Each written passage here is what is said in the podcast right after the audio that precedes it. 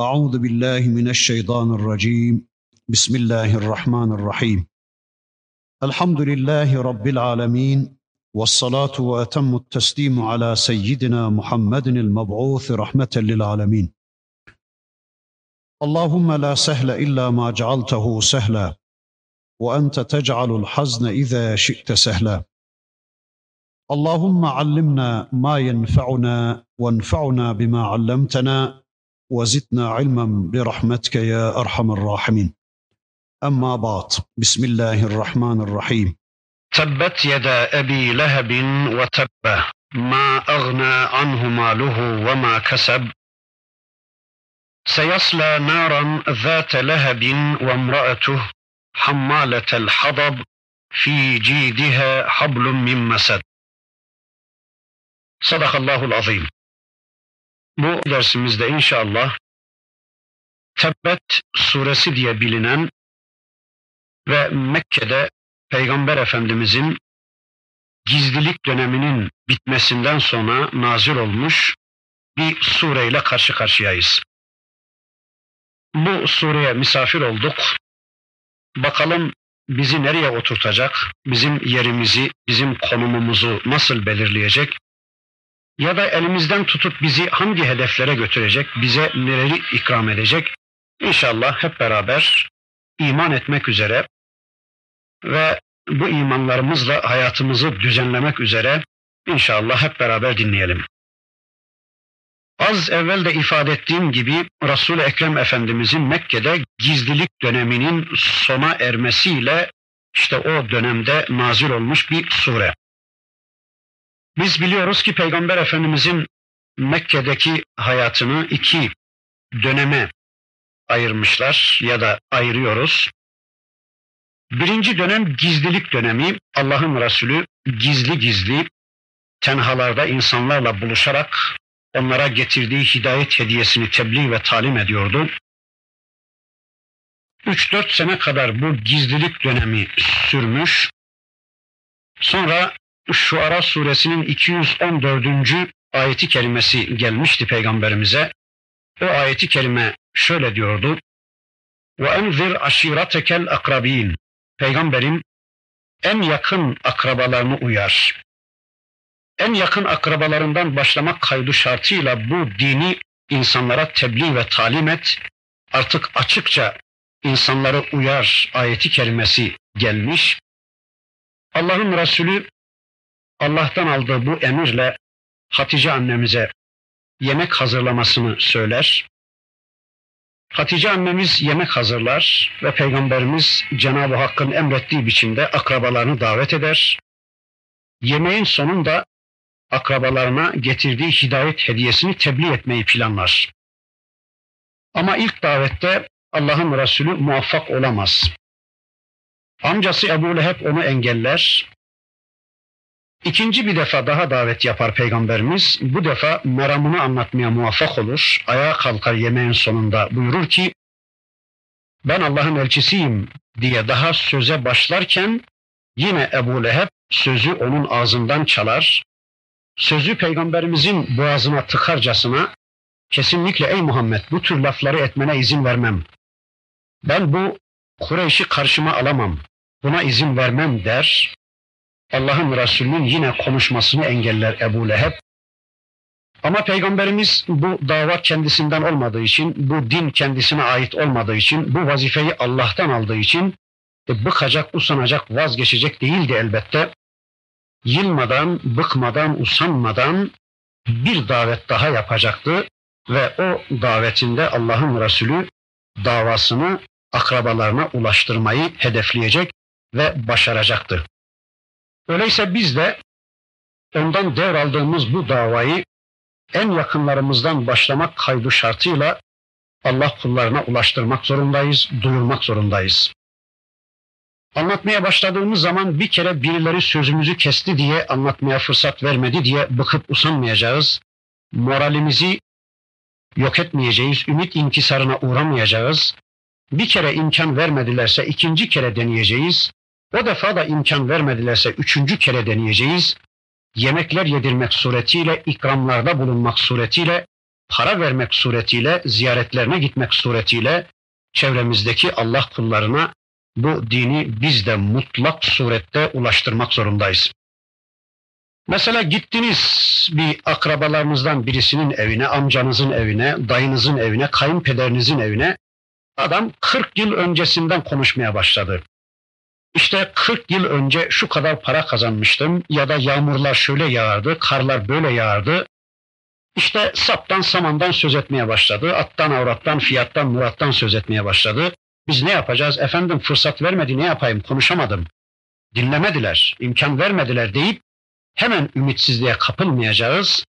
Bir daha, bir daha, bir daha fırsat yakalayarak sözü onun ağzından, onların ağzından çalarak hak davayı, Allah'ın ayetlerini ve Peygamber Efendimizin sünnetini mutlaka gündeme getirmek, o ortamı değiştirmek, o ortamda Allah'ın egemenliğini, dinin hakimiyetini gerçekleştirmek zorundayız. Bir de şuna dikkat edelim burada. Bu Ebu Leheb karakteridir. Bu cehennem özelliği, cehenneme götürücü bir özelliktir. Eğer bir yerde birileri din anlatmaya başlamışsa, Kur'an ve sünneti anlatmaya başlamışsa, dalga geçerek, alaya alarak, sözü başka tarafa aktararak, aman ha, o konuşanın sözünü kesmeyin, kesmeyelim, buna çok dikkat edelim. Çünkü bu Ebu Leheb karakteridir. Bu cehennem özelliği, cehenneme götürücü bir özelliktir. Kesinlikle bunu yapmayalım, dinleyelim. Biz onu sabote etmediğimiz gibi, dalgaya, alaya almadığımız gibi, eğer çevredeki insanlar alaya almaya kalkmışlar, dinlemiyorlarsa onları da susturalım. O kişiyi dinleme imkanını, dinleme ortamını sağlayalım. İşte Ebu Leheb daha peygamberimiz söze başlarken sözü boğazına tıkarcasına konuşturmuyor peygamberimizi.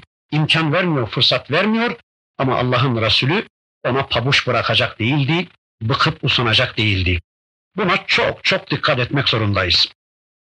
İşte bu olay üzerine, bu hadise üzerine inen bir sureyle karşı karşıyayız.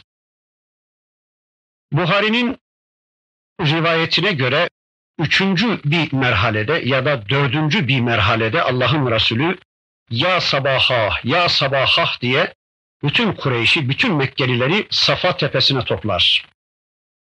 Orada Peygamberimiz çok veciz, çok güzel bir konuşma yapar.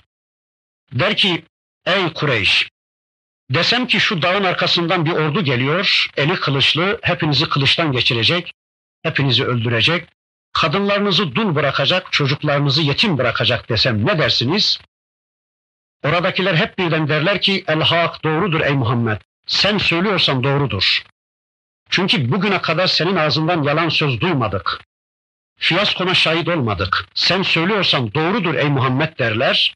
Allah'ın Resulü onları bu kıvama getirdikten sonra der ki, madem ki benim dediğim her şeyi tasdik ediyorsunuz, doğruluyorsunuz, öyleyse ben size şunu da söylüyorum ki ben Allah'ın elçisiyim. Allah bana vahiy gönderdi. Allah bana ayetlerini gönderdi. Bu putları terk edip benim elçiliğimi, Allah'ın tekliğini kabul etmek zorundasınız. Allah'ın rububiyetini, Allah'ın uluhiyetini kabul etmek zorundasınız. Allah'ın istediği biçimde bir hayata girmek zorundasınız. Değilse eğer şu hayatınızı sürdürürseniz bu putlarla sarmaş dolaş, şirke bulaşmış hayatınızı sürdürürseniz az evvel size sözünü ettiğim ordudan, kılıçlı ordudan çok daha büyük bir tehlike sizi beklemektedir. Cehennem sizi beklemektedir. Ateş sizi beklemektedir diye Allah'ın Resulü oradakileri uyarır ve daha peygamberimizin sözleri biter bitmez Ebu Leheb peygamberimizin amcası oradan bir avuç taş alır. Kendisi iman etmediği gibi çevredeki insanların imana doğru gittiklerinin farkına varan Ebu Leheb bir avuç taş alır ve peygamberimizin suratına atar. Tebben leke ya Muhammed. Ağzın kurusun ey Muhammed. Elin kurusun ey Muhammed. Bizi bunun için mi çağırdın? Saçmalıkları dinlememiz için mi bizi çağırdın? Kesinlikle buna izin vermiyorum. Sen yalancısın gibi sözler eder peygamberimize ve işte bu hadiseden sonra bu sure geldi deniyor. Yine bir başka rivayette İslam geldikten sonra Allah'ın Resulü açıkça çevresine Allah'tan gelen İslam'ı tebliğ ve talim ettikten sonra Ebu Leheb peygamberimizin amcası peygamberimizin huzuruna gelir ve ona şöyle der. Ey Muhammed şimdi çağırdığın, davet ettiğin bu dine ben de girsem bana karşılığında ne var der. Allah'ın Resulü der ki diğer Müslümanlara ne varsa sana da o var der. Ebu Leheb sorar. Peki diğer insanlardan benim bir farkım yok mudur? Onlara bir üstünlüğüm, ruhaniyetim yok mudur? Bana özel bir şeyler vaat etmiyor mu bu senin Rabbin der. Allah'ın Resulü der ki hayır, üstünlük ancak takva iledir. Öteki müminlere, öteki kullarına ne vaat etmişse Allah, sana da aynı şey vaat etmişler. Ebu Leheb buna çok kızar, bozulur. Yuh olsun bu dine der. Yuh olsun bu dine ki beni diğer insanlarla denk tutuyor.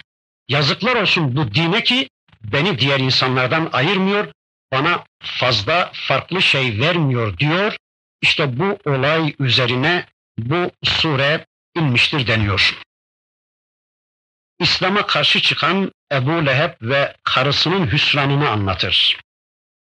Yani Ebu Leheb biraz sonra inşallah söyleyeceğim İslam'a karşı çıkan bir karakterizi sembolize ediyordu. Ebu Leheb bir semboldür. Kıyamete kadar onun misyonunu üstlenen, onun yolundan giden, onun davasını kucaklayan tüm çağdaş Ebu Leheb'leri, bu çağın Ebu Leheb'leri, gelecek çağların Ebu Leheb'lerini sembolize eden bir semboldür Ebu Leheb. Yani çok zengin birisiydi, trilyonluk birisiydi, Mekke'nin en güçlü, en zengin birisiydi ve bütün malını, mülkünü İslam'ın engellenmesine vakfetmişti. Şöyle diyordu, Vallahi eğer Muhammed'in dini Mekke'de maya tutmaya başlarsa ben bütün malımı, bütün servetimi harcarım, onun dininin önünü yine keserim, onun tebliğinin, davetinin önünü keserim diyordu. Yani İslam'a düşmanlığın sembolü olan, Allah'la savaşa tutuşmanın sembolü olan, Allah'ın elçisinin önünü tıkamanın sembolü olan, Allah yasalarıyla savaşa tutuşmanın, Allah sistemiyle savaşmanın, Allah'ın ayetleriyle savaşmanın sembolü olan Ebu Leheb kıyamete kadar yolunun yolcusu bütün Ebu Leheb'lerin işte hem dünyada Allah'ın azabıyla karşı karşıya geleceğini hem de ahirette Allah'ın dayanılmaz cehennemine yaslanacağını anlatan bir sure. Bugün de bakıyoruz dinin tebliğine engel olmak isteyenler var. Ebu Leheb nasıl peygamberimizi susturmaya çalışıyor, sözü boğazında tıkamaya çalışıyorsa bakıyoruz bugün de çağdaş Ebu Leheb'ler, bu çağın Ebu Leheb'leri Allah korusun da dinle savaşa tutuşuyorlar, Allah'la savaşa tutuşuyorlar. Yani dinin ortaya konmasını engelliyorlar. Dinin anlatımının önüne geçmeye çalışıyorlar. Dini anlatmak isteyenleri susturmaya çalışıyorlar ve ne yapıyorlar? Din eğitimini yasaklıyorlar. Aman bu insanlar dinleriyle tanışmasınlar. Aman bu insanlar kitaplarıyla tanışmasınlar. Aman bu insanlar peygamberleriyle tanışmasınlar. Çünkü o zaman bizim yasalarımızı çöpe atarlar. Eğer bu insanlar Allah'ın dinini bir tanırlarsa bizim yasalarımız dama atılır. Eğer bu insanlar Allah'ı bir tanırlarsa, Allah'ın dinini bir tanırlarsa bize kulluk etmezler, bize kulluktan vazgeçerler diye bakıyoruz bugün de çağdaş Ebu Leheb'ler İslam'ın tebliğine engel olmaya çalışıyorlar. İslam'ın ortaya konmasına engel olmaya çalışıyorlar.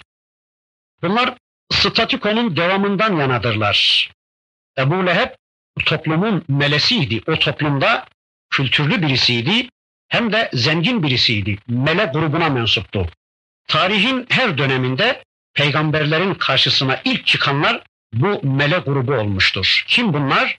toplumun kaymağını yiyen şımarık tipli zenginler.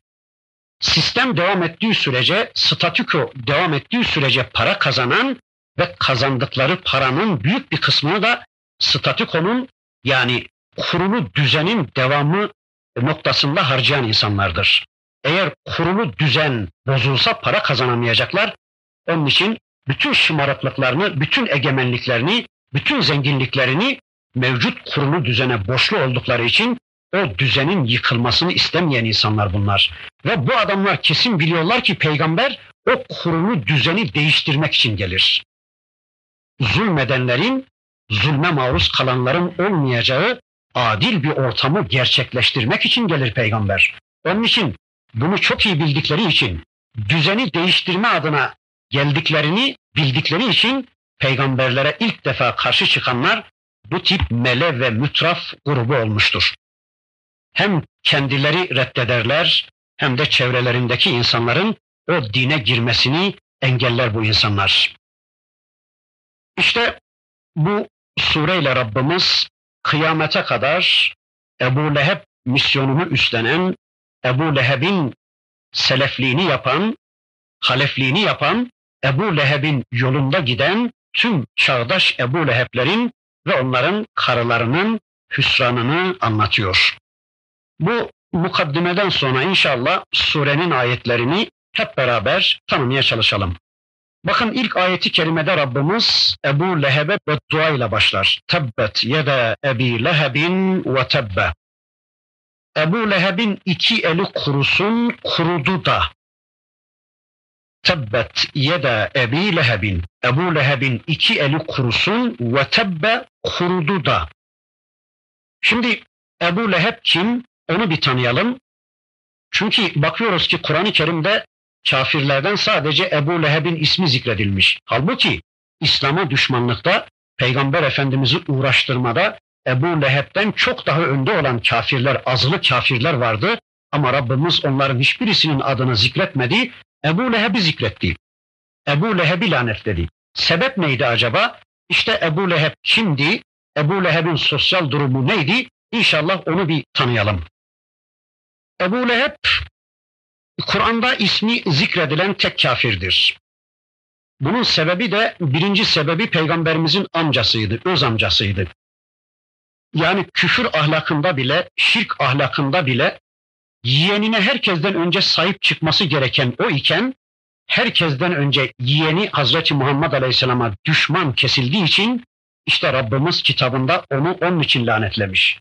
Yani peygamberimizin öz amcası herkesten önce ona sahip çıkması, onu koruması gerekirken küfür ahlakında, şirk ahlakında bile bu böyleyken ama herkesten önce onu inkar ettiği için peygamberimize düşman kesildiği için burada Rabbimiz tarafından lanete layık Ebu Leheb zikredilmiştir diyoruz. İkincisi Ebu Leheb yine biliyoruz ki peygamberimizin temel dibi komşusuydu. Bitişikti peygamberimizin evine. Ebu Leheb'in evi bakın ikinci bir hukuk daha gündeme geliyordu. O da komşuluk hukuku. Akrabaydı peygamberimize böyle bir hukuk vardı. Bir de komşusuydu peygamberimizin temel dibi. Hatta karısı Ümmü Cemil Hatice annemizin pişirdiği yemeklere toz toprak atarmış veya peygamberimizin ayaklarına batsın diye evinin kapısının eşiğinin ağzına dikenler atarmış. Böyle adi pis bir kadın. Tüm İslam düşmanı kadınların sembolü olmuş bir kadın. Onun boynunda da bir gerdanlık varmış. Çok kıymetli bir gerdanlık. Suudi Arabistan yarımadasında eşi benzeri olmayan bir gerdanlık. O da şöyle diyormuş. Vallahi eğer Muhammed'in dini Mekke'de maya tutarsa ben de şu trilyonluk gerdanlığımı Muhammed'in dininin engellenmesi adına vakfediyorum diye o da İslam düşmanlığında kocasını sollayacak kadar ya da kocasına yardım edecek kadar İslam düşmanı bir kadın. Ebu Leheb bakın Peygamberimizin temel dibi komşusuydu. İkinci bir hukuk daha gündeme geliyordu. Onun için Rabbimiz Ebu Leheb'i lanetledi diyoruz. Üçüncüsü yine Ebu Leheb'in iki tane oğlu vardı. Utbe ve Uteybe Peygamberimizin iki kızıyla evliydi. Peygamberimizin kızları da Rukiye ve Ümmü Gülsüm. İki kızı vardı peygamberimizin. O da Ebu Leheb'in iki oğluyla evliydi. Birisi Utbe, diğeri Uteybe. İslam'dan önce vermişti Allah'ın Resulü kızlarını onun oğlanlarına. İslam gelmiş. Peygamber Efendimiz de Ebu Leheb'in arası açılınca oğullarını çağırmış. Demiş ki beni dinleyin. Bu adamın kızlarını benim gözümün önünde boşayacaksınız. Hem de boşarken de küfredeceksiniz, hakaret yapacaksınız. Değilse sizi evlatlıktan reddederim. Oğlanları Utbe ve Uteybe peygamberimizi çağırırlar. Peygamberimizin gözleri önünde iki tane kızını ikisi de boşar. Hatta Uteybe peygamberimize boşarken hakaret eder. Al bilmem nerene sok dercesine. Efendimiz'e hakaret eder ve Allah'ın Resulü gerçekten çok üzülür. Oracıkta beddua eder. Der ki Ya Rabbi bu Uteybe'ye öyle bir aslanı musallat et ki paramparça parçalasın bu haini ve gömecek bir tek kemiğini bile bulamasınlar diye Allah'ın Resulü beddua eder. Bu bedduadan sonra Ebu Leheb korku içine düşer. Oğluna tembih eder aman oğlum Mekke'yi terk etme. Aman oğlum dağa bayra çıkma diye. Kesin biliyor ki peygamberimizin bedduası gerçekleşecek ve nihayet Şam taraflarına ticaret maksadıyla giden bir kervanın içine katılır oğlu Uteybe. Babası oğluna tembih eder aman kervanı terk etme. Sonra kervancılara tembih eder aman oğluma göz kulak olun. Şam taraflarında bir yerde konaklar kervan, çadır kurulur. Babasının vasiyetine uygun olarak kervandakiler Uteybe'nin çadırını kervanın tam ortasına kurarlar. Bir zarar ziyan olmasın diye ama tüm kervanın ortasında bir aslan gelir, Uteybe'yi parçalar, öyle parçalar ki gömecek bir tek kemiğini bile bulamazlar. Böylece Peygamber Efendimizin bedduası gerçekleşir. İşte Peygamber Efendimizin iki kızını boşattığı için, hakaret ettirdiği için belki de Ebu Cehil'den de öte ya da öteki kafirlerden de öte Ebu Leheb'in Kur'an'da zikri geçiyor. Allah bunu seçmiş, bunu lanetlemiş diyoruz. Yine Ebu Leheb'in bir başka özelliği daha var. O da Mekke'de Peygamber Efendimiz'i adım adım takip ediyor. Bir gölge gibi. Peygamber Efendimiz deve güreşlerinin yapıldığı yere gidiyordu. Şiir müsabakalarının yapıldığı yere gidiyor. İki insanı baş başa bulduğu zaman hemen sokuluyor. İslam'ı arz ediyor, tebliğ ediyordu. Onların gönlünde biraz biraz İslam'a kayma olmuşsa hemen arkasından Ebu Leheb damlıyordu oraya. Sakın dinlemeyin, bu benim yeğenimdir. Bunun kendine hayrı yok ki size hayrı olsa. Bu karıyla kocanın arasını ayırdı. Bu babayı evlada düşman etti. Ben bunu tanıyorum. Sakın bunu dinlemeyin diye peygamberimizin meydana getirdiği tesiri yok etmek için gölge gibi adım adım Mekke'de peygamberimizi takip ediyordu. Yine bir İslam tarihi kitabında okumuştum. Bu adamın 9-10 kadar da özel yetiştirilmiş fahişesi varmış Ebu Leheb'in. Özel böyle cilveli, güzel. Eğer Peygamber Efendimiz bir eve, bir çadıra girmiş de orada İslam'ı duyurmuş, o çadırdakilerin gönlü birazcık İslam'a kaymış, meyletmişse Ebu Leheb hemen fahişelerinden birini gönderiyormuş. Girin içeriye, bütün cilvelerinizi kullanın, bütün kadınlık özelliklerinizi kullanın, kendinizi, vücutunuzu onlara teslim edin. Böylece Muhammed'in meydana getirdiği tesiri yok etmeden gelmeyin diye fahişelerinden birini birkaçını çadıra gönderiyor. Müthiş bir şey ya. Acaba diyorum şu anda bizim kanalizasyonlarda gece sabaha kadar göbek atan o fahişeler, şu fahişeler de Ebu Leheb'in fahişeleri mi? Aynı fonksiyonu mu icra ediyorlar? Yani ümmeti Muhammed'in kalbine birazcık İslam girmiş, çocukların, gençlerin kalbi biraz İslam'a meyletmişse o tesiri yok etmek için herhalde bizim kanalizasyonlarda yani TV'lerde ya da işte basında şurada burada çırılçıplak resimlerini, vücutlarını sergileyenler herhalde aynı misyonu üstlenen çağdaş Ebu Leheb'lerin fahişeleridir diyeceğiz. Yine Mekke'de Müslümanlara başlarında başlar başı Allah'ın Resulü olduğu halde bir avuç Müslümanı Şabi Ebi Talib'e toplamışlar, karantinaya almışlardı Müslümanları. Boykot anlaşması. Yiyecek vermiyorlardı, içecek vermiyorlardı. Müslümanları Şabi Ebi Talip'te, Ebu Talip mahallesinde böyle bir muhasara altına karantinaya almışlardı. Sebep ne? Açlıktan ölsün gitsinler, geberip gitsinler, dağılıp gitsinler, parça parça olsunlar, bu din yok olup gitsinler diye şimdi de kafirlerin kimi Müslümanlara böyle boykotlar uyguladığını görüyoruz. Aynı mantık. Dünkü kafirlerin torunları, halefleri bugün aynı şey yapıyorlar. Farkında değiller kendilerinin bütün varlıkları midesinden geçtiği için mide aç kalınca Müslümanlar da vazgeçiverecek zannediyorlar. Halbuki farkında değiller ki Müslümanların bütün hayatı midelerinden geçmez. Müslümanlar iman sahibi insanlardır. Mideleri aç kalsa da yine onlar Allah'a imandan vazgeçmez. İşte Mekke'de Müslümanlara karşı böyle bir boykot anlaşması uygulamışlar. Ebu Leheb'in yaptığı şey şu, taşradan bazen kervanlar Mekke'ye mal getiriyormuş, yiyecek içecek getiriyormuş. Aman yanlışlıkla Müslümanların eline geçmesin bu diye kervanları Mekke dışında karşılıyormuş Ebu Leheb. Çok da zengin olduğu için fazlaca para vererek o malları satın alıyor, kendi eşine dostuna dağıtıyor. Şabi Ebi Talip'teki muhasara altındaki Müslümanlara bu mallar gitmesin diye çırpınıyormuş. Böyle adi bir insan, böyle adi bir kafir Ebu Leheb. Hatta peygamberimizin oğlu vefat ettiği zaman davul çaldırarak Mekke'yi haberdar etmiş Muhammed'in oğlu öldü. Artık Muhammed epterdir, soyu kesildi. Herkes bayram etsin ben bayram ediyorum diye peygamberimize karşı düşmanlıkta bu kadar ileri gitmiş bir kafir. İşte onun için herhalde Kur'an-ı Kerim'de öteki kafirlerden hiçbirisinin ismi cismi dahi geçmezken Ebu Leheb zikredilmiş. Böylece Rabbimiz Ebu Leheb'i lanet etmiş. Tebbet yede Ebi Lehebin ve tebbe. Ebu Leheb'in iki eli kurusun, kurudu da. Bakın Ebu Leheb'in iki eli derken anlayabildiğimiz kadarıyla burada kastedilen iki elden maksat şu bedenimizdeki iki el değil.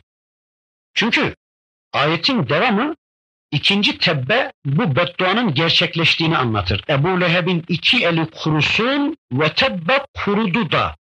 Yani bu bu bedduanın gerçekleştiğini anlattığına göre bakıyoruz ki tarihen sabittir ki Ebu Leheb'in elleri kurumuş falan değil, felç olmuş da değil.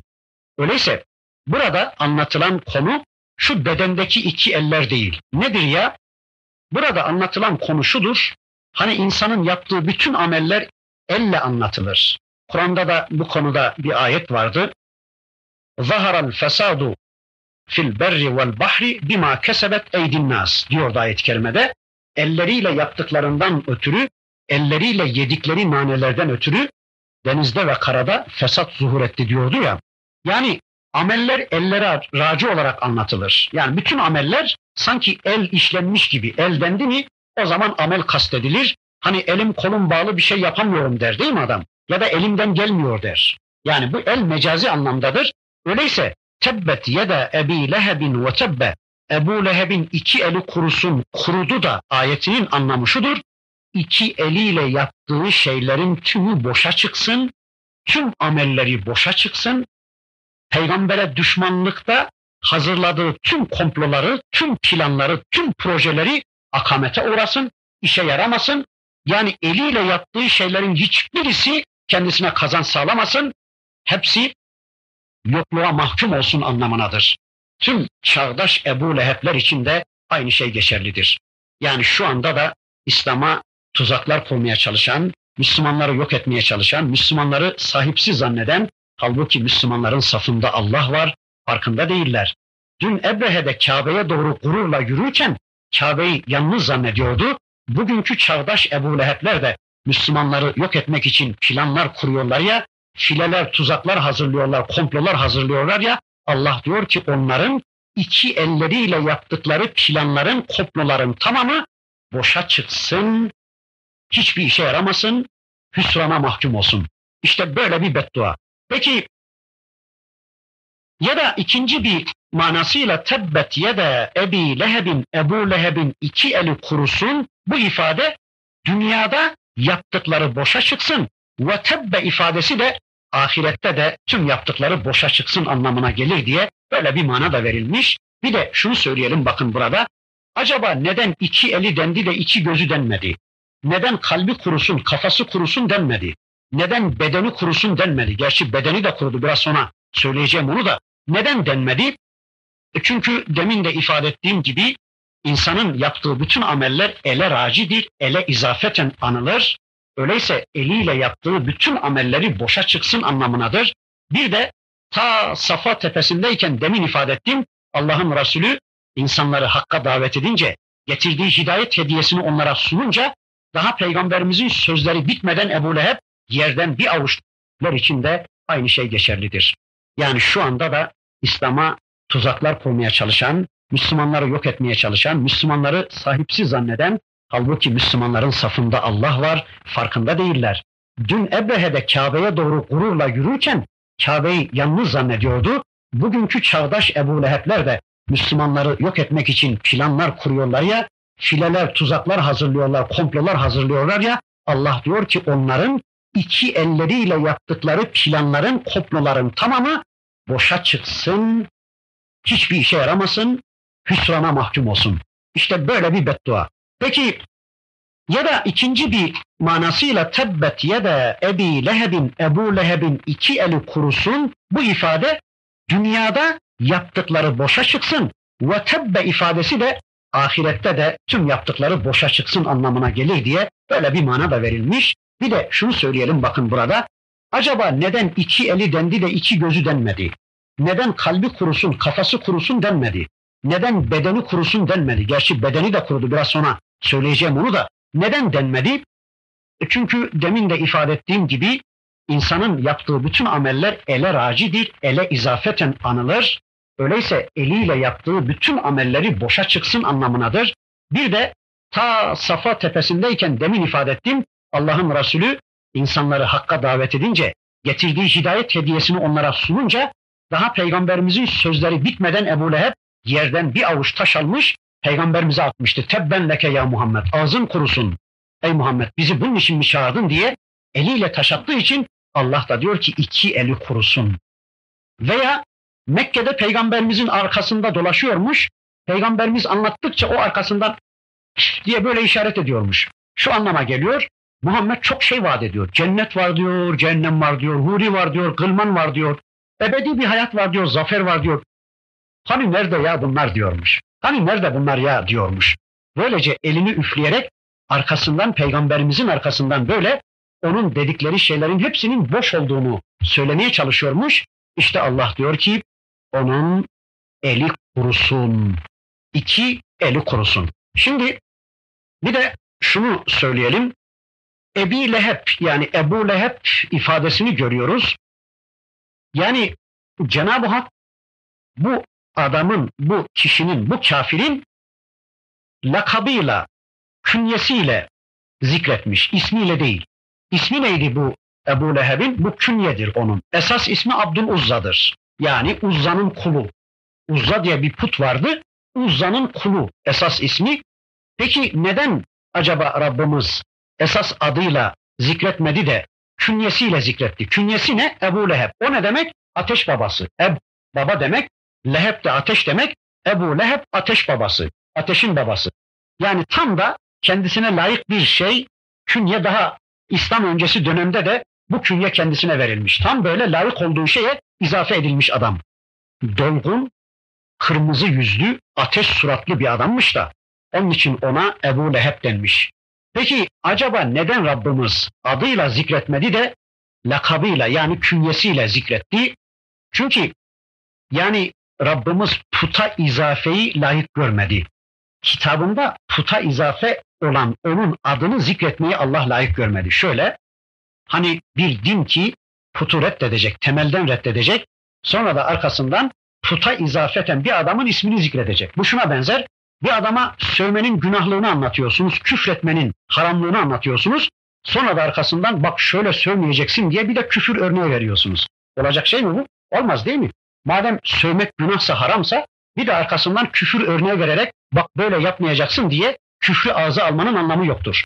Yani bir kitap ki, bir din ki putu temelden reddederken kalkıp da puta izafeten anılan bir adamın puta izafeten anılan adını zikretmesi doğru olmayacaktır. Veya ikinci bir manası anlayabildiğimiz kadarıyla isim künyeden daha şereflidir. Biz böyle biliyoruz. İsim künyeden daha şereflidir. İçindir ki Rabbimiz Kur'an-ı Kerim'de bütün peygamberlerinin ismiyle zikrettiğini görüyoruz. Künyeleriyle değil, isimleriyle ya Yahya, ya Muhammed, ya İsa gibi hepsine Rabbimiz ismiyle hitap etmiş. Fakat bakıyoruz bugün insanlar şerefsizi şerefliye tercih ediyorlar. Şerefli olanı bırakıyorlar ve şerefsizi alıyorlar. Mesela Ali dedin mi bozuluyor adam. Ali Hoca diyecek. İlla da böyle arkasına bir şey ilave edecek. Veya doktorunu falan söylemediysen adamın fena bozuluyor. Ben doktorum diyor baka. Doçentim ben, profum ben diyor. Dikkat et sözlerine ben profum diyor. Yani illa adının başına bir prof eklenecek. Veya Hasan Bey falan diyeceksin. Hüseyin Efendi falan diyeceksin. Ya da Hacı Hasan falan diyeceksin. Yani başına sonuna bir şeyler ilave etmek istiyor insanlar. Yani şerefsizi şerefliye tercih ediyorlar. Halbuki bakıyoruz ki kişinin ismi künyesinden ya da lakabından daha şereflidir.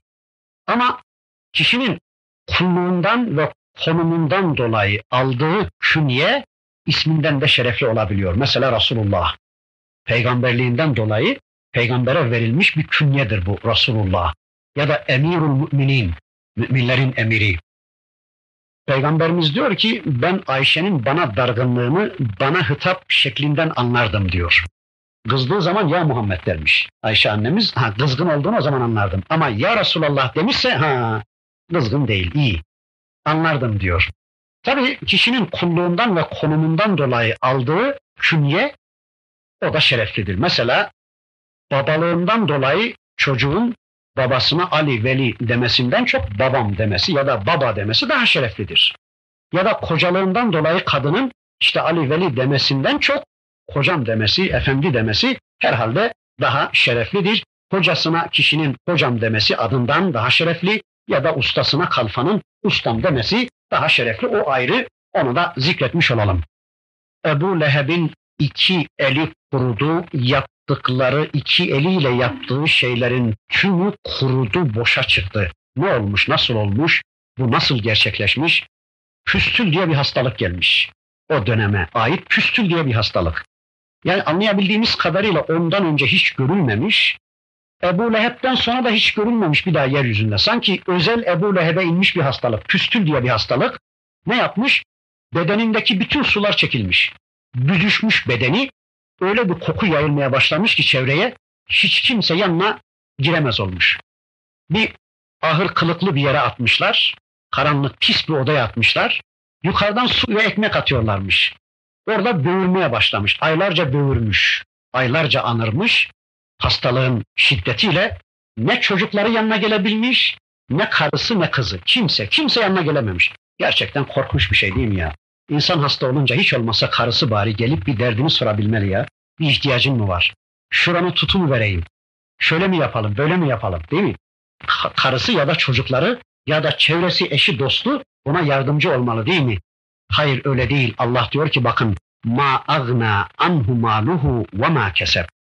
Ne malı, mülkü, çevresi, kredisi, imkanı, saltanatı, parası, pulu fayda sağladı ne de ve ma keseb kazandıkları karısı, çocukları.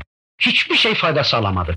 Bakın geberip gidiyor bir dört duvarın arasında ahır kılıklı bir yerde kimse yardımına gelemiyor. Ne parası, ne pulu, ne kredisi, ne saltanatı, ne çevresi, ne de çoluğu çocuğu hiç kimse kendisine yardım edemiyor. Yukarıdan sadece ekmek ve su atıyorlar.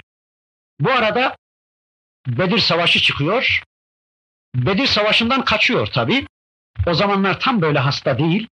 Kaçıyor, Bedir'e gitmek istemiyor. As bin Hişam diye bir adam var, onu çağırıyor. As bin Hişam'da da 400 dirhem kadar faiz alacağı varmış Ebu Leheb'in. Ona diyor ki, faiz alacağımı, borcunu sileyim mi? O da diyor ne şartla? Benim adıma Bedir'e gidip geberi verirsen senin faiz borcunu silerim diyor. Yani tutuyor As bin Hişam'ı kendi adına Bedir'e gönderiyor. O orada onun adına geberiyor ama Beriki kurtuluyor mu? Hayır. Anırmasına dayanamayan, böğürmesine dayanamayan, etrafa saldığı o leş kokusuna dayanamayan Sudanilerden bir grup geldikleriyle duvar üstüne yıkıvermişler ve gebermiş gitmiş. İşte bir varmış bir yokmuş. Ne kadar iddialıydı değil mi? Trilyonluk bir adamdı. Malının mülkünün haddini hesabını bilmiyordu. Eğer Muhammed'in dini Mekke'de maya tutarsa, gönüllere nüfuz ederse, vallahi bütün malımı mülkümü harcayacağım, onun dininin önüne geçeceğim, onun tebliğinin önüne geçeceğim diye peygamberle savaşa tutuşan, peygamberin getirdiği hidayete karşı tavır alan, Allah'la savaşa tutuşan, Allah'ın ayetleriyle Allah'ın sistemiyle savaşa tutuşan bir kafir işte dünyada geberdi gitti. Ne malı kurtardı, ne serveti kurtardı, ne parası pulu, ne çevresi kredisi, ne de çoluğu çocuğu hiç kimse onu kurtaramadı. İşte tüm çağdaş Ebu Leheb'ler bu hüsranı kucaklayacaklardır. Dünyada Allah onlardan intikam alacak ama sadece dünyada böyle bir azapla azaplanmaları işi de bitirmiyor seyasla naran zâte lehebin.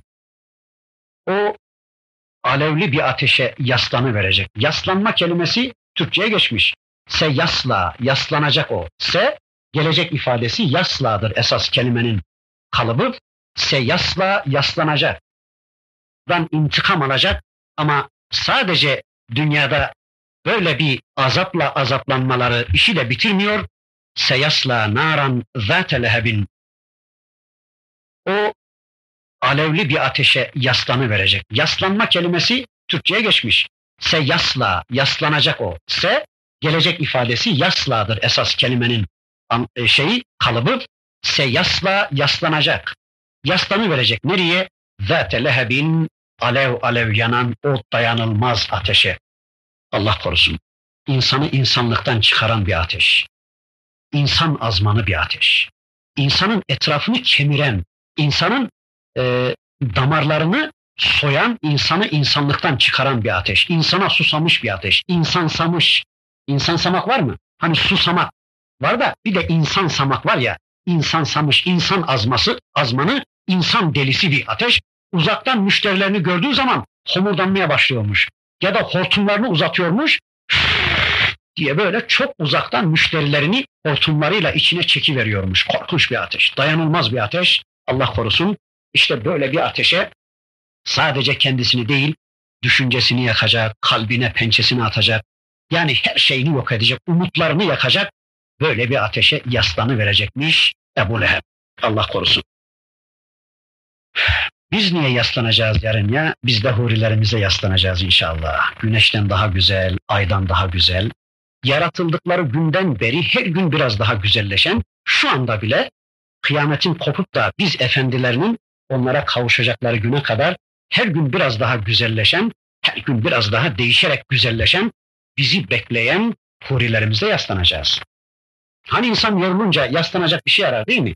Mesela şu anda ben yoruldum ama bu kürsüyü biraz öne kurduğunuz için şu yastığa yaslanma imkanım yok ama inşallah siz istifade ediyorsunuz ya bu kadar olsun. Hani insan yorulunca yaslanacak bir şeyler arar, bir yastık arar, bir, bir şeyler arar.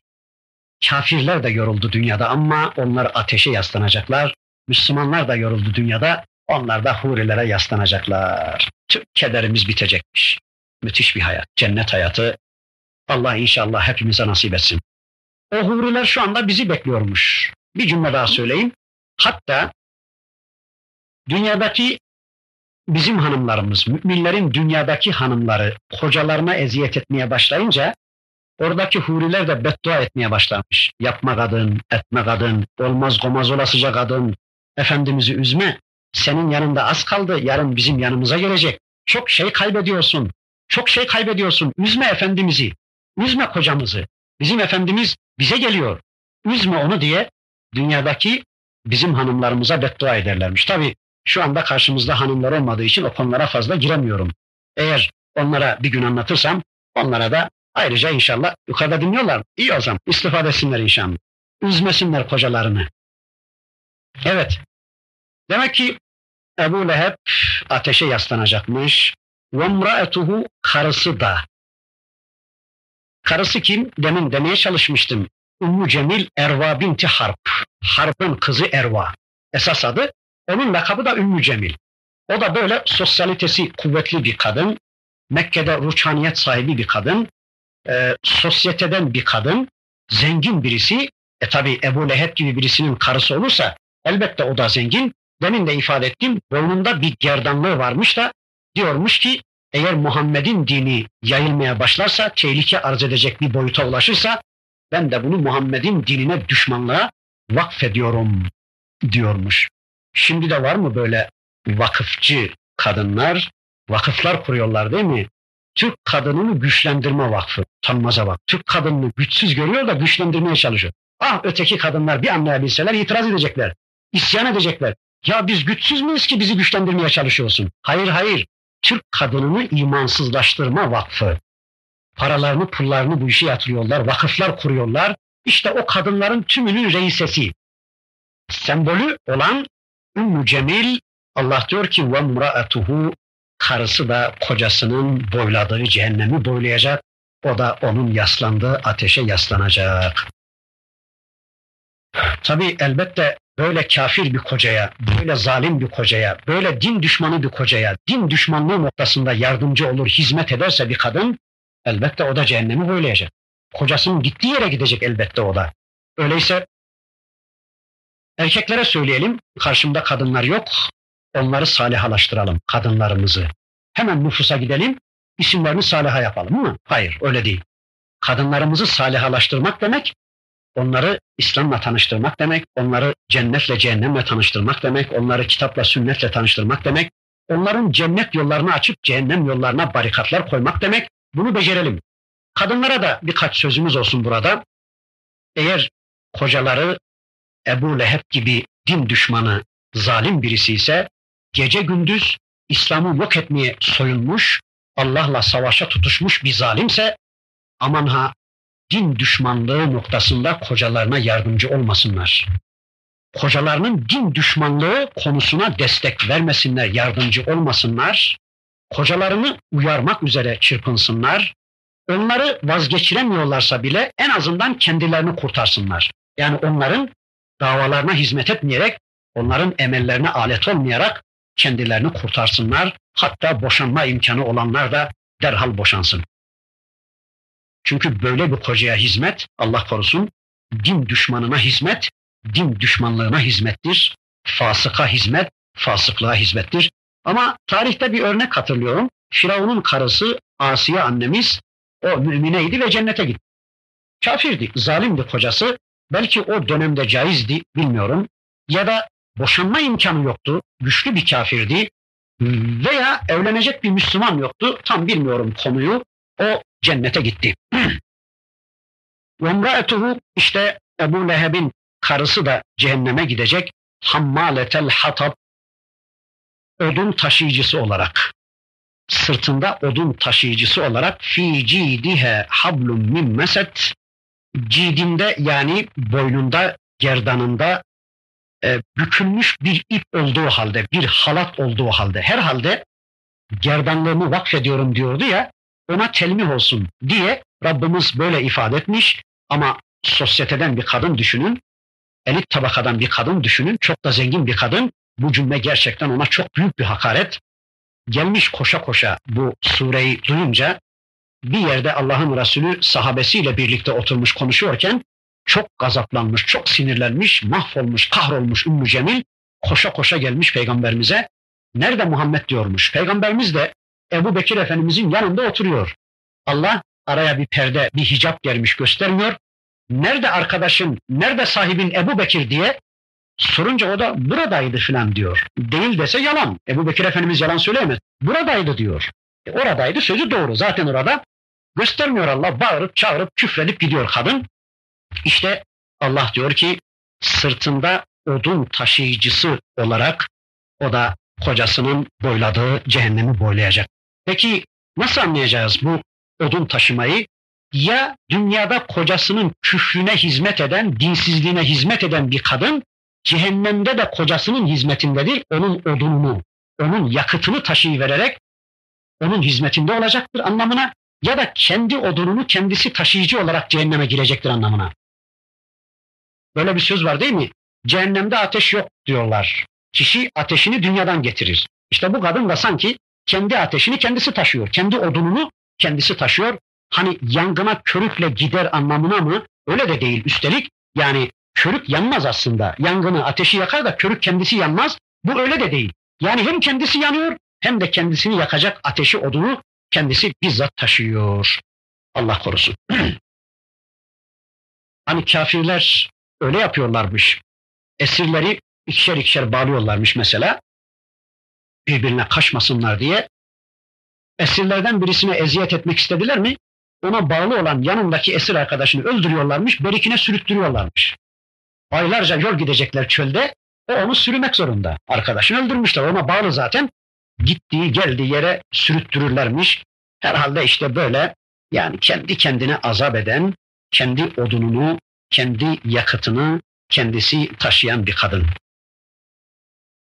Arkadaşlar şunu söyleyelim öyleyse. Dünyada hiçbir kimse kafirlerin kendi kendilerine ettikleri zulmü onlara edemez. Kafirler öyle zalimdirler ki Allah'la savaşa tutuşanlar, dinle savaşa tutuşanlar öyle zalim, öyle zalim insanlar ki bunlara kendilerinin yaptığı zulmü hiç kimse yapamaz. Çünkü bunlar başta sermayelerini kaybettiler. Allah onlara akıl vermişti, göz vermişti, kulak vermişti. Görsel ve işitsel ayetlere mutabakat edebilecek onlara göz ve kulak vermişti, irade vermişti, akıl vermişti. Allah'a kulluğa yönelsinler diye, gerçeği anlasınlar diye ama bunlar Allah'ın kendilerine verdiği bütün sermayeleri kötüye kullandılar. Akıllarını kullanmak istemediler. Gözleriyle Allah'ın ayetlerini okumak istemediler. Kulaklarıyla Allah'ın ayetlerini işitmek istemediler. Halbuki kainatta binlerce ayet vardı. Allah'ın varlığına delil. Onlar gözlerini, kulaklarını, kalplerini, akıllarını, her şeylerini Allah'ın ayetlerine kapattılar. Böylece kendi kendilerine zulmettiler, zalim oldular. Allah'ın cehennemini, Allah'ın alev alev yanan o ateşini hak ettiler. Netice bu özellikleriyle şu sayılan, dökülen özellikleriyle Resul-i Ekrem Efendimizin amcası olarak tanıtılan Ebu Leheb o dönemde yaşamış bir semboldür. Ama o bir semboldür. Kıyamete kadar ona haleflik edecek, onun yolundan gidecek, onun misyonunu, onun rolünü üstlenecek. Aynen onun gibi Allah'la savaşa tutuşacak, Allah'ın dininin tebliğine engel olmaya çalışacak, din eğitimini yasaklayacak, Allah'ın kullarının Allah dinine ulaşmasını engelleyecek, sanki önlerine barikatlar koyacak, kıyamete kadar gelecek bütün Ebu Leheb'ler, bu çağın Ebu Leheb'leri, çağdaş Ebu Leheb'ler unutmayın ki hem dünyada hem de ukbada şu anlatılan sembol olan Ebu Leheb'in hüsranını kucaklayacak, onların da elleri kuruyacak, tüm yaptıkları boşa çıkacak, tüm planları, tüm programları boşa çıkacak. Dünyada Allah onlardan bizzat intikamını alacak ama bir şartla tabii o Ebu Leheb'in karşısında peygamberlik misyonunu üstlenmiş, peygamberlik rolünü oynayan Muhammed Aleyhisselam vardı. Bugünkü Ebu Leheb'ler karşısında da o peygamber misyonunu üstlenmiş biz Müslümanlar olabilirsek, var olabilirsek, var olarak ortaya çıkabilirsek, varlığımızı sürdürebilirsek onlar helak olacaklar. Karıları da tıpkı Ümmü Cemil gibi kocalarına din düşmanlığında yardımcı olmuşlarsa Allah onların tümünü helak edecek. Bakın üstteki sureyle alttaki sureyle bir ilinti kurup sözlerimi inşallah bitireyim.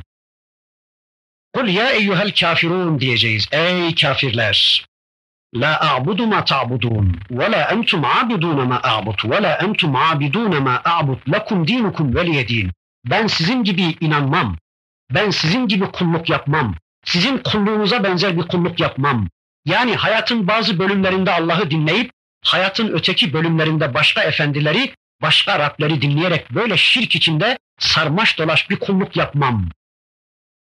Böyle dedik de onlarla aramızı ayırdıysak, böyle bir tavırla ayağa kalktıysak İzâ câe nasrullâhi vel fetih. İşte o zaman Allah'tan nusret ve yardım gelecek, fetih gelecek. Yani bu tavrı sergilediniz mi Allah'ın yardımını bekleyin. Ama yardım gelince de bağırıp çağırmaya, tören tantanaya gerek yok. Bunlar Allah'tandır diye fesebbih bihamdi rabbike vestağfirhu innehu kâne tevvâba. Yani bütün bu yaptıklarım benden değil sendendir ya Rabbi. Bu fethi ben gerçekleştirmedim. Sendendir ya Rabbi. Sen yaptın bütün bunları ya Rabbi diye Allah'a istiğfar edin. Siz bunu becerdiniz mi? Yaptıklarınızı kendinizden değil de Allah'tan bilmeye başladınız mı? Bunu becerdiniz mi? İşte Ebu Leheb'lerin elleri kuruyacak. Yeter ki siz önce bunu bir becerin. Yani Müslümanlığınızla bir ayağa kalkın. Müslümanlığınızı amele bir dönüştürün. Yani imanınızla hayatınızı düzenlemeye bir çalışın. Böylece kendinizi kafirlerden ve küfürden ayırın. Biz Müslümanız deyin. Müslümanlığınızı ortaya koyun. Allah'ın istediği bir Müslümanlık yaşayın.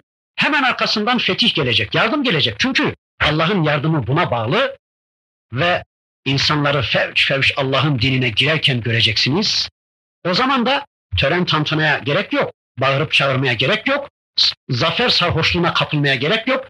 Bütün bunlar Allah'tandır deyip Allah'a istiğfar edeceksiniz. Allah'ı hamd ile tesbih edeceksiniz. Her şeyi Allah'tan bilecek, her şeyi Allah'tan göreceksiniz. Arkasından da üzülmeyin. Tüm Ebu Leheb'lerin eli kuruyacak. Tüm planları boşa çıkacak. Tüm fileleri, tüm tuzakları alt üst olacak ve onların size karşı yapabilecekleri hiçbir şey kalmayacak. Yiyebilecekleri hiçbir naneleri kalmayacak. İşte surede Rabbimiz bize bunu anlattı. Öyleyse Ebu Leheb olmayalım, Ebu Leheb gibi olmayalım, Ebu Leheb gibi hayatımızı kendimiz belirlemeye kalkmayalım. Hayatımızın her bir problemini Allah ve Resulüne havale edelim. Allah'ın istediği gibi yaşayalım. Ve Ebu Leheb gibi olmadığımız gibi kendimiz Ebu Leheb'leri de tanıyalım. Ebu Leheb'lerin yolundan gitmeyelim. Onlara destek olmayalım. Din düşmanlarının safında yer almayalım. Müslümanca bir hayat yaşayalım. Allah'ın istediği kulluğu icra edelim. İnşallah Allah şu zikrettiğimiz şeylerin tümünü bize nasip edecektir. Bu sureyle alakalı benim yine söyleyebileceklerim bu kadar. İnşallah gelecek dersimizde Nasır suresi, İzâ suresi diye bilinen bu Tebbet suresinin üstündeki sureyi tanımaya çalışacağız. İnşallah sizler evde 1, 2, 3 ne kadar uzanabilirseniz tefsir kitaplarından okuyun. Bir de burada beni dinleyin ve sonra duyduklarınızı Allah kullarına ulaştırma çabası içine girin. Kendiniz bu ayetlerle dirildiniz, kendi kendinizi dirilttiğiniz gibi Allah kullarını da bu ayetlerle diriltin. Allah hepinizden razı olsun. Velhamdülillahi Rabbil alemin. El Fatiha.